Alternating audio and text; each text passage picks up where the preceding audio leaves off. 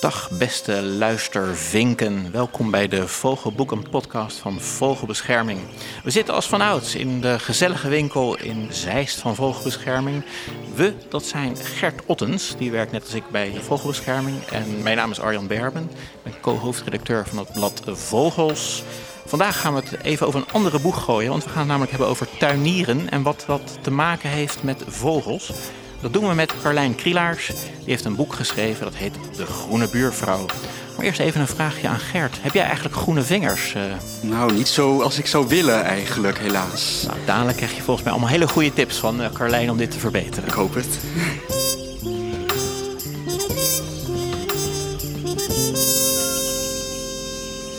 De Vogelboeken Podcast. Een podcast van Vogelbescherming Nederland. Welkom Carlijn ja, we gaan het dus even over een andere boeg gooien, zoals ik al uh, zei in onze start. We gaan het hebben over tuinieren, want uh, ja, dat heeft toch wel heel veel te maken met, uh, met vogels. En daarop aansluitend mijn allereerste vraag. Welke vogel heb jij eigenlijk waargenomen op weg hier naartoe? Oh, dat is heel leuk. Dat begon al bij mij in mijn straatje. Ik heb zo'n vaste merel die altijd in mijn straatje bivakkeert. En ook inmiddels al familie heeft gemaakt. En die zingt s'morgens al het eerste liedje. En uh, als ik hem uh, zo s'morgens tegenkom, dan, uh, ja, dan is hij al aan het rommelen tussen de multje en de blaadjes. Dus dat was gezellig. Oh, wat mooi. Leuk. Een lievelingsmerel heb jij? Ja, ja, en ik herken hem, want hij heeft één witte staartveer. Oh, dat is ook echt altijd dezelfde dus. Ja. die daar, ja. en hoe lang zit hij er al, weet je dat? Jaren. Jaren? Echt jaren. Wow. Weet jullie hoe oud een merel wordt? Nou, nou Gert. een merel kan wel een jaar of 13, 14 worden. maar bij hoge uitzondering ik denk dat de gemiddelde merel misschien vier of vijf uh, zal worden. Ja. Dus Op een gegeven moment gaat hij verdwijnen. Is. Ja, hij is er al een paar jaar. Dus ik koester hem nog even. Ja, dat zou ik maar doen. Op een gegeven moment is hij natuurlijk verdwenen. Dat zou jammer zijn. Waar gaat jouw boek over? Mijn boek gaat over stadstuinieren op ecologische wijze. En nou waren er al wel wat boeken geschreven over stadstuinieren. Maar dat, uh, dat ecologische standpunt vond ik nog nergens terug eigenlijk. En omdat ik zelf uh, ecologisch tuinier en in de stad woon, heb ik ervoor gekozen om uh, mijn eigen reis door het tuinieren in de stad, om die eens op te schrijven. Met alles wat ik tegenkwam, uh, ook aan hindernissen. Ja, daar heb je een aantal fantastisch leuke voorbeelden van. Gaan we dadelijk ja. nog in. Het, het, boek heet De Groene Buurvrouw. van waar die titel? Ja, um, ik heb een bedrijf dat heet Groene Buurvrouw. Ik ben dus eigenlijk tuinvrouw en ik ben begonnen met zelf stadstuinieren. Maar op een gegeven moment bedacht ik me, ik kan daar ook anderen mee helpen. Ik ben ook operatieassistent en uh, ik, wilde, ik wilde daar iets bij doen. Ik wilde niet alleen maar uh, in de airco staan en uh, in het kunstlicht. Dus ik wilde heel graag met mijn handen in de klei, om het zo maar te zeggen. Dus um, daarom heb ik eigenlijk de Groene Buurvrouw gestart. Om ook andere mensen te helpen met tuinieren in de stad. Want veel mensen vinden dat lastig merk ik. En dat is ook het publiek wat jij voor ogen had. Mensen die uh, wel iets willen, maar niet weten hoe. Ja, ik heb veel buurtgenoten uh, gesproken en die vonden het bijvoorbeeld heel leuk wat ik aan het doen was. Ik was geveltuintjes aan het maken en tuintjes om de bomen heen, boomspiegeltuintjes. En die, dan hoorde ik heel vaak, oh, dat vind ik heel leuk, maar ik weet niet zo goed, hoe, hoe pak je dat dan eigenlijk aan? En ook met balkons. Oh, je hebt je balkon helemaal tot jungle getransformeerd. Hoe begin je dan? En hoe zorg je nou dat uh, die potten met planten niet na twee dagen al uh, helemaal verbrand en verdord uh, op je balkon staan? Ja, daar heb ik allerlei trucs voor. Dus ik help mensen daarin mee. Ja, je liefde voor het balkonieren. Hoe, hoe is dat uh, ontstaan? Ik moest eventjes uh, klein aarzelen, want het, het woord balkonieren was voor mij nieuw. ik denk dat ik ook een nieuw woord heb uitgevonden. Ja, ja dat zou heel goed ik vind wel vaker nieuwe woorden uit. Ja, maar balkonieren, uh, hoe, hoe is dat zo gekomen? Ja, dat, dat, dat komt omdat ik zelf woon op 63 vierkante meter, midden in de binnenstad. En uh, de meeste mensen die in de binnenstad wonen, uh, hebben of geen tuin of een klein balkonnetje. Een stadstuin is echt aan de Happy View uh, voor behouden. Ja, en ik moest natuurlijk wel mijn groene vingers kwijt. Dus ik begon ook met een pot viooltjes en, en wat hangplanten aan mijn reling. En van Lieverlee kwam daar steeds meer bij en bij en bij. En ik merkte dat hoe meer inheemse planten ik op mijn balkon zette, hoe meer insecten daarop afkwamen en hoe gezelliger het eigenlijk werd op mijn balkon. Dus ja, dan ben je echt aan het tuinieren, vind ik. Dus ja, dan werd het balkonieren. Ja, leuk. je, had, je hebt ook een ander leuk woord nog, namelijk het uh, lieve heerstbeestjesperspectief. Ja. Wat is dat? nou ja, mijn balkon is inmiddels echt een soort jungle geworden. Er staan ontzettend veel uh, verschillende soorten planten op. Ik heb uh, het geluk dat mijn balkon een soort L-vorm heeft. Waardoor ik en schaduw en halfschaduw en bakkende zon heb. Dus ik heb eigenlijk alle klimaatzones heb ik. En daardoor kan ik heel veel diversiteit erin pakken. En ik heb het ook zo volgepakt dat er nog maar één stoel op past. En uh, die zit precies op ooghoogte van een plat dakje. En op dat platte dakje heb ik een bloemenweide gemaakt. En als ik daar op die stoel zit, dan uh, zit ik precies op ooghoogte van, ja, van alles wat daar rondscharrelt. En de waggelende lieve heersbeestjes zie je dan voorbij komen. Dus ja, eigenlijk zit ik op het perspectief van wat een insect dan ziet in zo'n bloemenweide. Je hebt het recht voor je ogen, gebeurt het allemaal, maar op, een, op een microniveau ja, zou, zou je ja. kunnen Het is alsof je op je buik in een bloemenweide ligt. Ja, mooi. Ja, insecten, dat zijn natuurlijk bij. Je bent de gast bij vogelbescherming. Hè? Dat, dat, dat, wordt hier heel oneerbiedig in de wandelgangen ook wel het vogelvoer uh, uh, genoemd. Niks oneerbiedigs aan. Dat is de kringloop van het leven. Ja, wij, wij zijn natuurlijk ook altijd heel erg druk met tuintips uh, geven hè, als, als, als vogelbescherming. Ja. En om, juist ook om de vogels uh, te helpen. En um, ja, dan krijgen we ook heel vaak uh, re reacties daarop. Hè. Dus bijvoorbeeld over de, de slakken. Dat is nog weer een ander leuk woord wat je had. Slaktopia. Ja. Hoe, hoe voorkom je een slaktopia in je, in je, in je tuin? Nou ja, in de eerste plaats door natuurlijke vijanden aan te, aan te trekken. Dus vijanden van de slakken zijn bijvoorbeeld egels, uh, padden en kikkers, lijsters bijvoorbeeld. Mm, hè? Er zijn heel veel vogels die graag slakken eten. Dus uh, die, die kan je aantrekken. Mijn straatje werd een slaktopia, omdat uh, dat is midden in de binnenstad. En daar zijn, ik ben nog nooit een egeltje helaas tegengekomen. Um, en er lopen veel katten.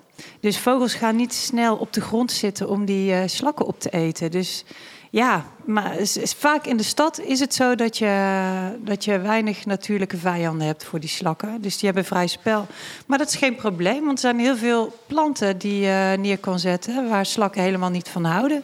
Dus uh, ik heb het op die manier opgelost. Oh, dat is in ieder geval wel duizend keer beter dan de slakkenkorrels die mensen oh, wel eens Die komen er bij uh, mij kopen. niet in. Ik geloof nee. ook niet in, het, uh, in de term biologische slakkenkorrels. Nee, nee. Dat, nee want, want, want, hoe zit dat? Ik heb dat niet helemaal uitgezocht, maar voor mij hoeft een slak gewoon niet dood. Die maakt gewoon deel uit van de biodiversiteit van, uh, van je bodem. En als je een plaag hebt, ja, ik ga op een, uh, op een vochtige avond of op een regenachtige dag, ga ik gewoon slakken rapen. Uh, en die zet ik dan een eindje verder in het, in het gemeenteplantsoen, zet ik ze weer uit. Zo doe ik dat. Gert, uh, ga je ook slakken rapen? en, ja, en, ze, en, ze, vervolgens misschien bij de buren in de tuin zetten. Ja, ik, ja, als je een hekel hebt aan je buren, kun je dat doen. Ja, ja. Nou, ik, ik, ik, zei het zo straks eigenlijk al. Ik heb niet echt hele groene vingers. Ik heb wat, nou, we hebben een tuin. En ja, ik heb eigenlijk, we hebben, ik heb eigenlijk meer een soort laissez-faire aanpak. Ik laat eigenlijk alles maar gewoon, gewoon, gewoon gaan. Ja, de natuur. En ik zie wel gewoon, ja, ik, ja, een gezonnetje wil ik dan nog wel maaien af en toe. Al wordt dat ook heel, al heel gauw een bijna soort, soort, soort weidevogelgebied. Maar uh, ja, de rest laat ik eigenlijk maar gewoon opkomen. Ja, ik, ik, ik, ik zie wel wat er opkomt. En dan heb je soms wel eens dat een bepaalde soort natuurlijk... Nou ja, het wordt bijna een soort monocultuur van zevenblad dan op een gegeven moment. Nou, daar gaan dan slakken doorheen. En dan komt er weer iets anders op. Uh, ja, heel inheems uh, was mijn oude... Ik ben dus net verhuisd, dus was mijn oude tuin niet. Maar in ons nieuwe huis, de nieuwe tuin, wil ik wel echt uh, wat beter aanpakken. En ik wil ook ja. wel wat... Toch wat mijn, mijn, mijn vingers ook gaan vergroenen. Ja, hoe meer, hoe meer insecten je aantrekt, hoe meer vogels Precies. ook, hè? Ja, nee, daarom. Ja. Dat is, uh, dat is in tuinen zo, maar dat is op balkons natuurlijk ook zeker zo. Dat merk ik wel, ja. Ik heb ook nog een andere vraag. Want um, in, het, in het boek wordt heel veel aandacht besteed aan de, aan de bodem. Ja. Um, dat is belangrijk voor, voor planten, maar waar, hoe, waarom? Hoe zit dat? Want niet iedere bodem is geschikt voor iedere plant. Of... Nee, ja, niet iedere bodem is geschikt voor iedere plant. Ik zeg altijd, de bodem is de basis. De bodem vinden heel veel mensen niet sexy. Hè? Mensen willen een leuke tuin en uh, er moeten allemaal bloemetjes in en dat moet er wilderig uitzien. En willen ze liever investeren in veel planten dan in de bodem.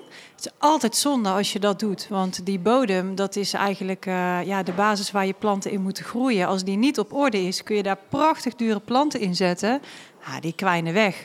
Of die hebben het heel zwaar, waardoor jij heel hard moet werken. Als je nou de bodem op orde hebt, en daar bedoel ik mee dat die gezond is, hè, dus dat er uh, voeding zit en dat er uh, biodiversiteit in de bodem zit ook, hè, dus uh, schimmels, bacteriën, bodemdiertjes, dan is dat eigenlijk jouw gratis tuinpersoneel. Dus die zorgen voor jouw plant, voor de wortels en voor het vocht enzovoorts enzovoorts. Dus hoe beter die bodem op orde is, hoe minder jij aan je tuin hoeft te doen. En een beetje luie tuinier zijn, daar ben ik wel voor. Ja. Ja, ik vond dat zelf ook wel een eye-opener in je boek. Ik ben, ja, ik ben van huis uit ecoloog. Of, uh, dus, uh, ook, ook, die, ook, ook de aandacht voor, voor daarvan in het boek vond ik wel heel... Ik, ik, ben niet heel erg bekend, moet ik zeggen, met, met allerlei andere tuinboeken die op de markt uh, zijn. Dit was eigenlijk het eerste tuinierboek wat oh, nou, ik ooit heb gelezen. Ik ben vereerd. Um, maar ja, dus, dus, die aanpak die sprak me meteen, meteen aan. Ik denk, ja. en, en, je, en je, nou, je, beschrijft het ook gewoon heel begrijpelijk voor iedereen die het, uh, nou ja, die het wil lezen. Dus dat vond ik wel heel sterk van het, van het boek. Ja. En bij vogelbescherming maken we ons ook, ook heel druk over groene steden. Natuurlijk voor de vogels met name. En ook aan gebouwen, maar ook in, in tuinen bijvoorbeeld, openbaar groen. Een vraag die bij Arjan en mij eigenlijk meteen oppopte is van... ben je ons wel eens tegengekomen. We hebben vrijwilligers in het hele land die mensen helpen met het vergroenen van hun tuin. Wil je het eerlijke antwoord? Ja, ik voel hem aankomen. Ik voel hem aankomen. eigenlijk niet. En dat vind ik eigenlijk heel erg jammer. Wat zouden we daaraan kunnen doen? Ja, goh. Ik, ja, toch iets aan zichtbaarheid. Ik zou het bijvoorbeeld heel erg leuk vinden om misschien wel een stadswandeling te doen met jullie. En dan helemaal op vogels en vogelplekken en wat kom je tegen in de stad. Je kunt bij jullie op de site wel uitzoeken waar je woont en welke vogels er dan voorkomen. Hè? -hmm. Maar om dat dan ook daadwerkelijk in een soort excursie te gieten, dat, daar zou ik aan meedoen. Dat lijkt mij heel leuk. Oh, nou, dat gaan we dan organiseren ja, natuurlijk. Of Gert of ik of oh, allebei. Ja, we, en we kom dan naar Den Bosch. Ja, nee, dan gaan we natuurlijk ja, nee, naar Den Bosch. Maar dan, uh, dat is uh, bij deze afgesproken. Oh, nou, leuk. leuk. ik had, ik, ik had van een collega al begrepen, die, die woont in Brabant, die komt vaak in Den Bosch. Dat je, ze kent jou niet, maar ze kende je geveltuin wel. Want ik, oh, vertel daar van je, van je boek. En ze, en ze, wist het meteen. Ze, ze, ze, was echt, ja, het is echt zo'n fantastische oh, geveltuin, oh, ze. Ja. Dus ik wil het sowieso nog een keer komen, komen bekijken. Je bent altijd welkom. okay. Ja, dan leid ik je rond. Oké, okay, leuk. Nou, indirect geef je in het boek ook heel veel tips over waar vogels van, van profiteren. Met name via de insecten natuurlijk, het vogelvoer ja. waar we het al over hadden. Vogels krijgen in het boek geen apart hoofdstukje. Heb je daar, is daar nog een speciale reden voor? Ja, weet je, je kan niet alles in een boek schrijven. Um, een boek schrijven is vooral heel veel schrappen, heb ik geleerd. En um, vogels heb ik zeker wel op mijn balkon en in de steeg. En uh, die zijn er ook heel veel in de, in de stad, gelukkig. Maar ik, ik moest keuzes maken. Dus de vogels zijn afgevallen, helaas. Maar als je, als je ecologisch tuiniert, dan komen die vogels vanzelf. En ja, leven in je tuin is wel ontzettend gezellig. Ja, en ook heel goed voor je, ja, voor de mensen. Totaal. Ja, ja, ja. inderdaad. Ja, ja. En wat ik een uh, mooie... Ja, Gert had eye-openers, maar ik had ook eye-openers. Namelijk, uh, je noemde het net al enigszins over dat mensen soms gaan voor de mooie bloemetjes. Ja. Maar dat als je een keuze moet maken, dat je eigenlijk misschien beter naar het blad kan kijken van een, um, een, plant. Omdat je, die bloemen zijn er misschien maar ja, een aantal weken per jaar. Maar, maar de rest van het jaar zit je met dat blad. Dus dan, als je een mooie tuin wil hebben, ook op klein formaat, kun je dus beter kijken naar al die verschillende soorten bladen en de mooie structuur daarin ja. dan het bloemetje. Ja, zeg maar. Klopt. Visueel gezien zijn de bloemen eigenlijk bonus. Precies al wat je zegt, hè? dus die bloemen die zijn er een bepaalde tijd van het jaar. En natuurlijk moeten we daarvan genieten. En ze zijn ook heel fijn voor de biodiversiteit. En later ook voor de zaden, voor de vogels bijvoorbeeld. Hè? Maar feit blijft dat ze er minder lang zijn dan de structuur zelf van de plant. Dus als je nou een mooie border wil opbouwen, en dat geldt voor je tuin, maar dat geldt ook voor een pottentuin die je neer kan zetten, dan is het altijd heel leuk om te kijken naar welke structuur die bladeren eigenlijk hebben. Hè? Dus je hebt bladeren met, met een puntige structuur, zoals bijvoorbeeld grassen, die gaan recht omhoog. Maar je hebt ook handvormige bladeren, uh, bladeren die rond zijn, enzovoorts, enzovoorts. En als je die structuren met elkaar combineert, dan wordt het meteen veel interessanter om naar te kijken. Want als je alleen maar planten kiest met bloemen die je mooi vindt, maar je kijkt niet naar het blad en het is uitgebloeid. En je komt erachter dat al die blaadjes dezelfde kleine friemelstructuur hebben. Dan ontstaat, als alles uitgebloeid is, ontstaat er gewoon een soort groene brei. Wat helemaal niet gezellig is om naar te kijken. Terwijl als je structuur brengt in je blad, dan blijft die tuin leuk. En dan wordt je oog als het ware rondgeleid. Ja, mooi gezegd. Eh, in je, in je boek geef je ook tips voor mensen die eh, helemaal blanco zijn van wat voor soort plant je dan uh, aan kan denken. Wat ik ook mooi vond was dat je ook uh, zo een liefhebber blijkt te zijn van de schaduw. Ja, de schaduw enorm. in de tuin. Ja. Uh, ja, ik denk altijd bij schaduw, dan zet je een varen neer en dan is en het klaar. Staan, dan is het en dan, klaar. dan is het ja. klaar. Maar ja. wat kan je nog meer met een schaduwrijk plekje? Want dat is ook wel echt iets wat we vaak horen. Hè? Van ik heb maar zo'n klein oppervlakte. En er groeit niks. En er groeit het is niks, ik kan niks. En, ik woon ja. in de stad. Ja, ja, ja. Nou, om te beginnen, um, de meeste, de, de schaduwtuinen zijn eigenlijk altijd op zijn mooist in het uh, voorjaar. En dat komt omdat de meeste bloemen uh, bloeien van de schaduwplanten in het voorjaar, als bijvoorbeeld de bomen nog kaal zijn. Dan valt er het meeste licht op de bodem en dan krijgen die eigenlijk hun kans. Dus als je bloeiende schaduwplanten hebt, dan uh, bloeien die meestal in het voorjaar. Nou, dat is ontzettend leuk om te combineren met voorjaarsbolletjes. Zoals krokussen, sneeuwklokjes, dat soort dingen. Dat is ook meteen heel fijn voor de insecten en dat trekt ook weer vogels aan. Dus bloeiende schaduwplanten, dan heb je eigenlijk vaak een voorjaarstuin. Daarnaast is het dus ook heel leuk om te werken met die bladstructuren. Want de meest uh, tere, sprookjesachtige planten, die groeien vaak in de schaduw. Omdat die, ja, die zijn vaak wat kwetsbaarder, wat teerder. Mm. En die, ja, die zien er heel bijna mysterieus uit, zou ik zeggen. Een beetje, moet ik dan een beetje aan vetplantjesachtige dingen nee, denken? Of niet per se? Um, aan, ook weer die varens. Ja, nou, nou ja, die zijn natuurlijk ook, ook heel mooi fantastisch. Ja, dus, ja, de ene varen is de andere niet. Hè? Nee, Zo is er nee. bijvoorbeeld de regenboogvaren, die heeft prachtige... Ken je die? Nee. Nou, de regenboogvaren, die moet je opzoeken. Oké. Ja, die heeft allerlei verschillende kleuren in zijn blad. Dus die heeft nerfjes van, van, van donkerpaars. En dan loopt dat blad uit van wit helemaal naar een soort van pastelkleurig groen. Oh, wauw. En dat is zo mooi. En dat ligt een beetje op in de schaduw. Dus planten met licht gekleurd blad kun je ook heel goed in de schaduw zetten. Want die, die lichte kleuren die werken als een soort lampjes. Dus die lichte donkere kleuren op.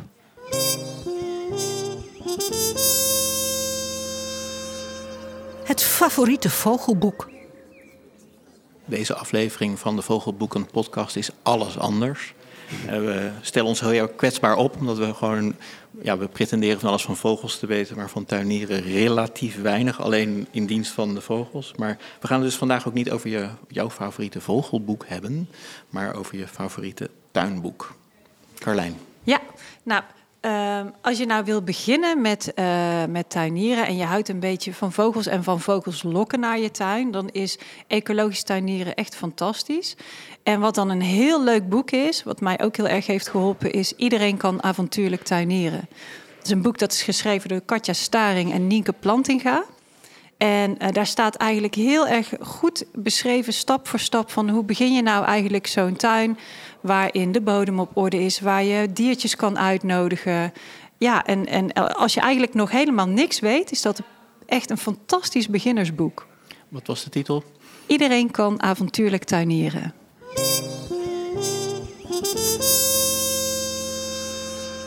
Op het nachtkastje. Gert, je bent verhuisd, dus uh, ik neem aan dat ook je nachtkastje is mee verhuisd met daarop een stapeltje vogelboeken. Zeker maar we weten. zijn nu uh, heel erg benieuwd wat er bovenop het stapeltje ligt. Nou, op dit moment lees ik uh, De Ooievaar van Kester Frederiks. Het is een, een monografie in de, in de Atlas Contact-serie, dus het gaat echt alleen maar over de ooievaar. Ik, ik lees het op dit moment nog en, ik, en we gaan het in de volgende podcast ook bespreken, dus ik kan en mag er niet te veel over zeggen. Maar ja, de ooievaar is natuurlijk wel een soort waar we als vogelbescherming een, een, ook een lange geschiedenis mee hebben. Dus ik ben heel benieuwd naar het, uh, naar het boek, maar dat, nou ja, in de volgende podcast uh, dus meer. De ooievaar van Kester Frederiks, want Kester Frederiks is dan bij ons te gast. Ja. ja terug naar de groene buurvrouw. Hm. Ja, wat wij enorm toejuichen bij uh, vogelbescherming is als je niet alleen je eigen geveltuin of je eigen balkon uh, aan de gang gaat, maar dat je, je eigenlijk de handen ineens slaat met de mensen in jouw straat en ook soms het best wel saaie gemeentelijk groen bijvoorbeeld uh, adopteert. Maar wat is nou een kritieke succesfactor om zo'n soort project te laten slagen volgens jou? Oh ja, er zijn twee dingen eigenlijk het allerbelangrijkste. Uh, en dat is, de eerste is draagvlak. Je moet echt draagvlak hebben in de buurt. Dus het begint vaak met één iemand of twee buren die een idee hebben. En met zo'n idee moet je dan naar de gemeente, want je moet toestemming krijgen van de gemeente. Dus dat is eigenlijk meteen het tweede criterium. Je moet toestemming hebben. Dat is altijd het handigste. Je kan wel uh, heel guerilla-tuinierend aan de gang gaan. Dus uh, stiekem uh, dingen vergroenen. Dat is ook spannend en leuk. En soms gewoon nodig.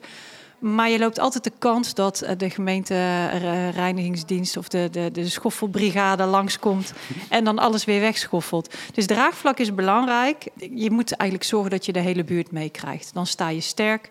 En um, dan, ja, dan kun je ook, als je onderhoud moet plegen, kun je dat met elkaar doen. Hè? Dan komt het niet allemaal op één iemand uh, aan.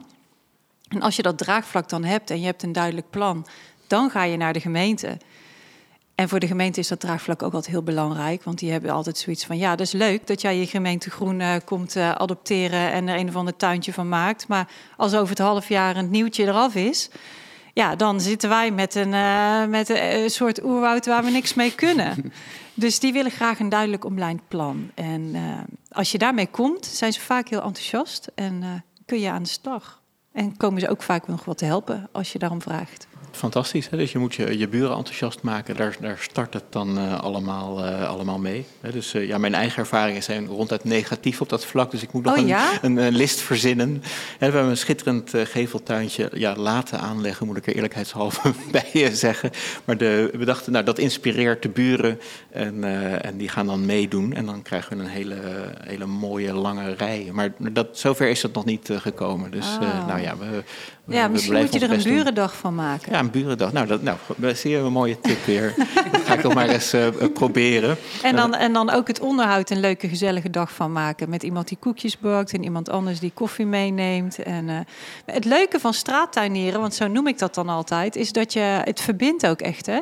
Dus op het moment dat je bijvoorbeeld mensen nooit spreekt uit de buurt of uit de wijk, die kom je dan tegen en die leer je dan kennen. En dat is echt wel uh, een groot voordeel van tuinieren in de openbare ruimte.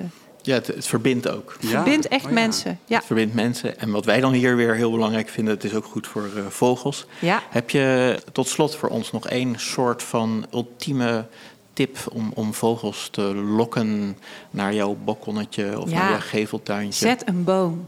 Een boom. Een boom. Of je, je nou balkon. een tuin hebt of een balkon. Bij mij staat ook gewoon een boom.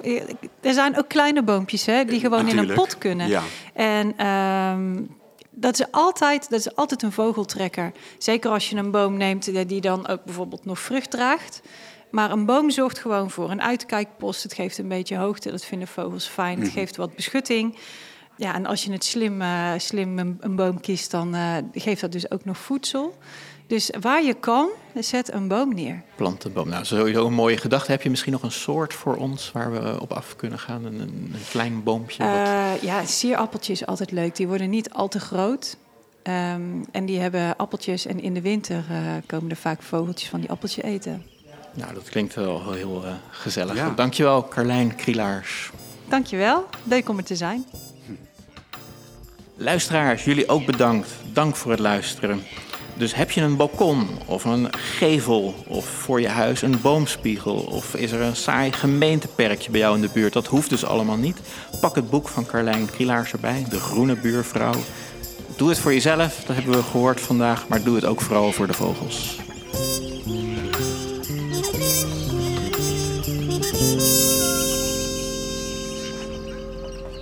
Dit was de Vogelboeken-podcast vanuit de winkel van Vogelbescherming in Zeist.